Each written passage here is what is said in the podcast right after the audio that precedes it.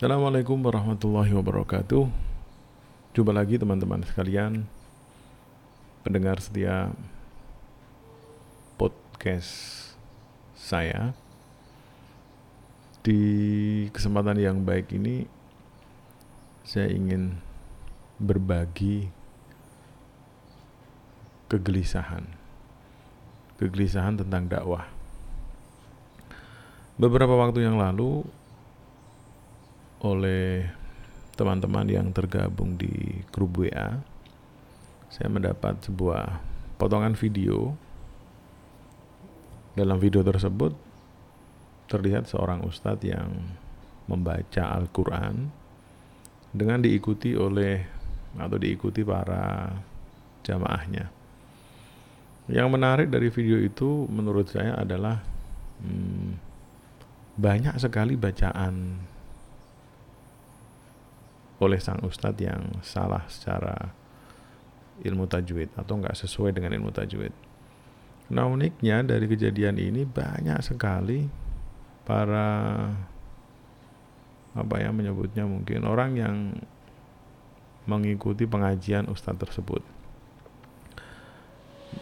Mungkin teman-teman ada yang sudah tahu atau mungkin ada yang belum tahu. Saya pikir eh, tidak penting untuk bertanya lebih lanjut siapakah ustadz yang saya maksud. Tetapi poin yang ingin saya bicarakan pada kesempatan kali ini adalah tentang kegelisahan dakwah. Kenapa saya menyebutnya kegelisahan? Karena kalau saya melihat fenomena tersebut ada dua aspek yang bisa kita bidik.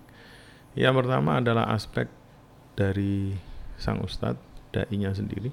Dan yang kedua adalah aspek jamaahnya. Jadi dua aspek ini akan coba kita bicarakan.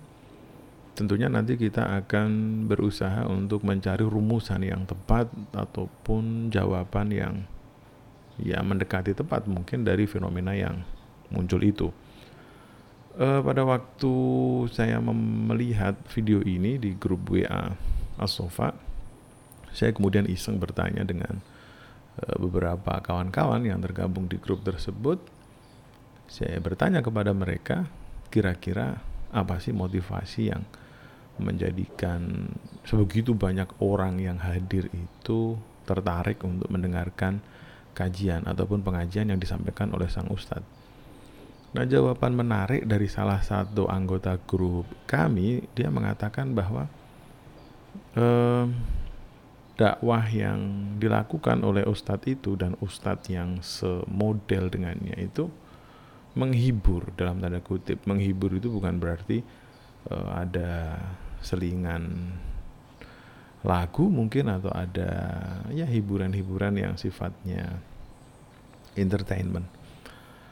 Di saat yang sama saya juga membaca sebuah status dari salah satu kawan kami yang tergabung di grup alumni mahasiswa luar negeri.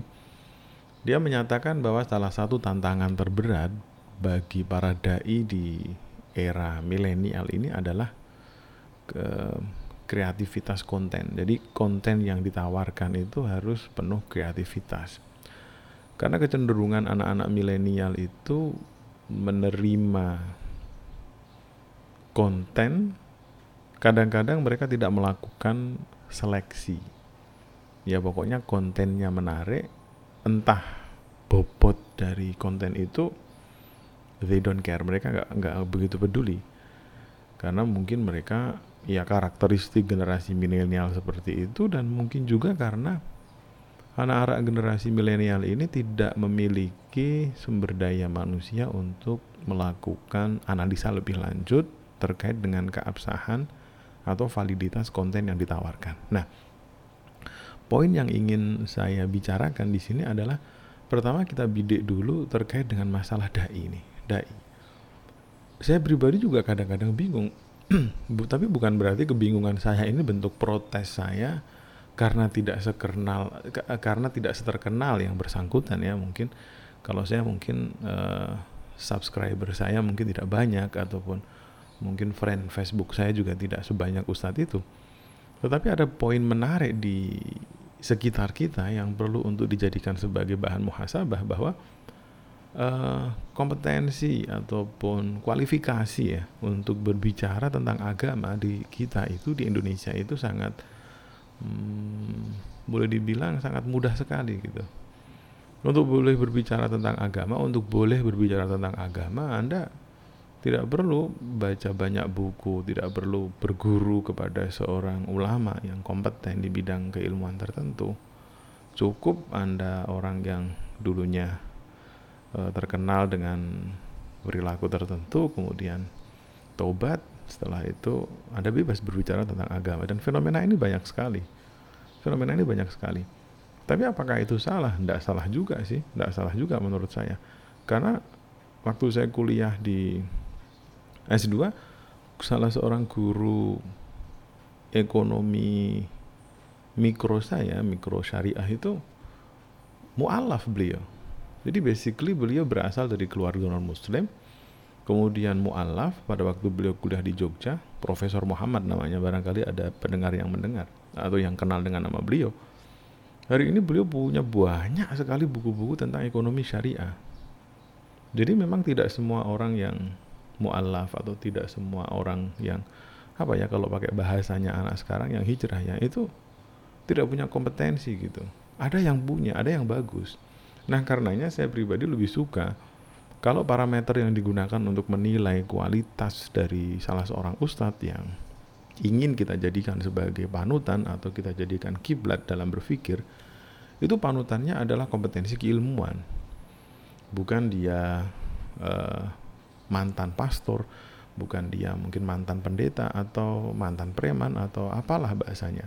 Tapi pastikan dia benar-benar punya kompetensi. Nah, di sini nampaknya memang perlu peranan dari otoritas dalam hal ini adalah Kemenak Republik Indonesia atau MUI mungkin memang kayaknya perlu deh ada gerakan yang namanya sertifikasi dai.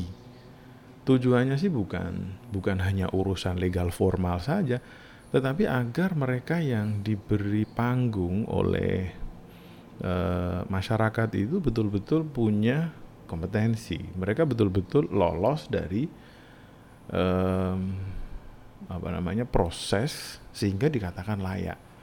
Karena YouTube sendiri, Facebook sendiri, ataupun apa pun lah itu, mereka tidak punya cara untuk melakukan verifikasi terhadap uh, kebenaran yang disampaikan oleh seorang narasumber yang ada di situ. Pokoknya kalau orangnya bahasanya mungkin ya meliuk-liuk mungkin ya bahasanya mungkin bisa diterima oleh anak-anak terus kemudian dia berasal dari kelompok yang sama, kelompok yang sama maksudnya dari anak muda yang tadi saya bilang e, tobat dan seterusnya itu tanpa pikir panjang audiens akan dengan legowo melakukan atau mengikuti.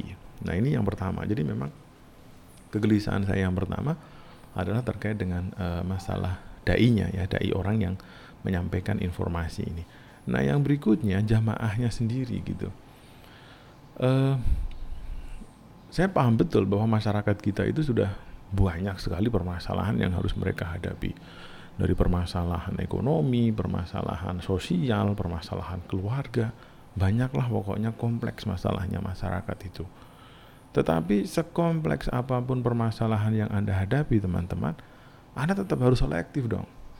Anda nggak bisa serta-merta karena beban hidup teman-teman yang sudah setara dengan Gunung Bromo mungkin ya atau sudah ah sudah penuh lah pokoknya masalah hidup gue gitu. Tapi bukan berarti kita tidak selektif. Apalagi ini urusan yang menyangkut kehidupan dunia dan akhirat kita. Uh, saya ingat dulu itu pernah ada riwayat yang menyebutkan bahwa Imam Muhammad bin Sirin Muhammad bin Sirin itu pernah berpesan inna hadzal ilma dinun fanzuru amman ta'khuduna dinakum. Ilmu ini adalah agama. Karenanya perhatikan betul dari siapa kalian mengambil dari siapa kalian mendapatkan agama itu. Nah perkataan Muhammad ibn Sirin ini menjadi semacam parameter bagi kita untuk mencari guru.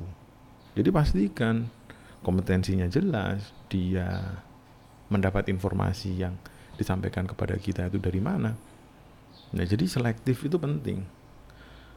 Logika gampangnya kayak gini deh.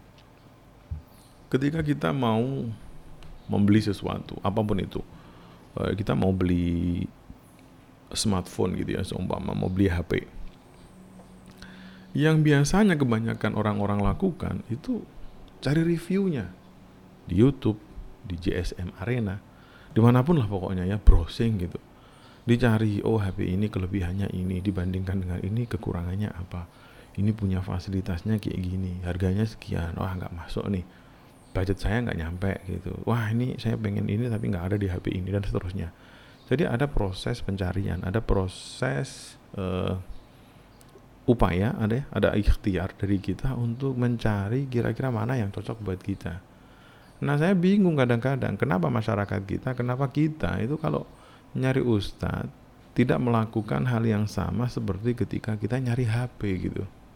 Jadi ada selektif, ada proses pencarian, ada pertimbangan sebelum kita memutuskan bahwa itu cocok buat kita ataupun tidak. Jadi ini kegelisahan yang saya rasakan akhir-akhir ini dan sebenarnya sudah lama sih kegelisahan yang kayak gini muncul jadi permasalahannya menurut saya ada pada dua aspek. Yang pertama dari ustadznya sendiri, memang tampaknya Indonesia ini perlu deh yang namanya sertifikasi dai atau apa pun lah bahasanya ya.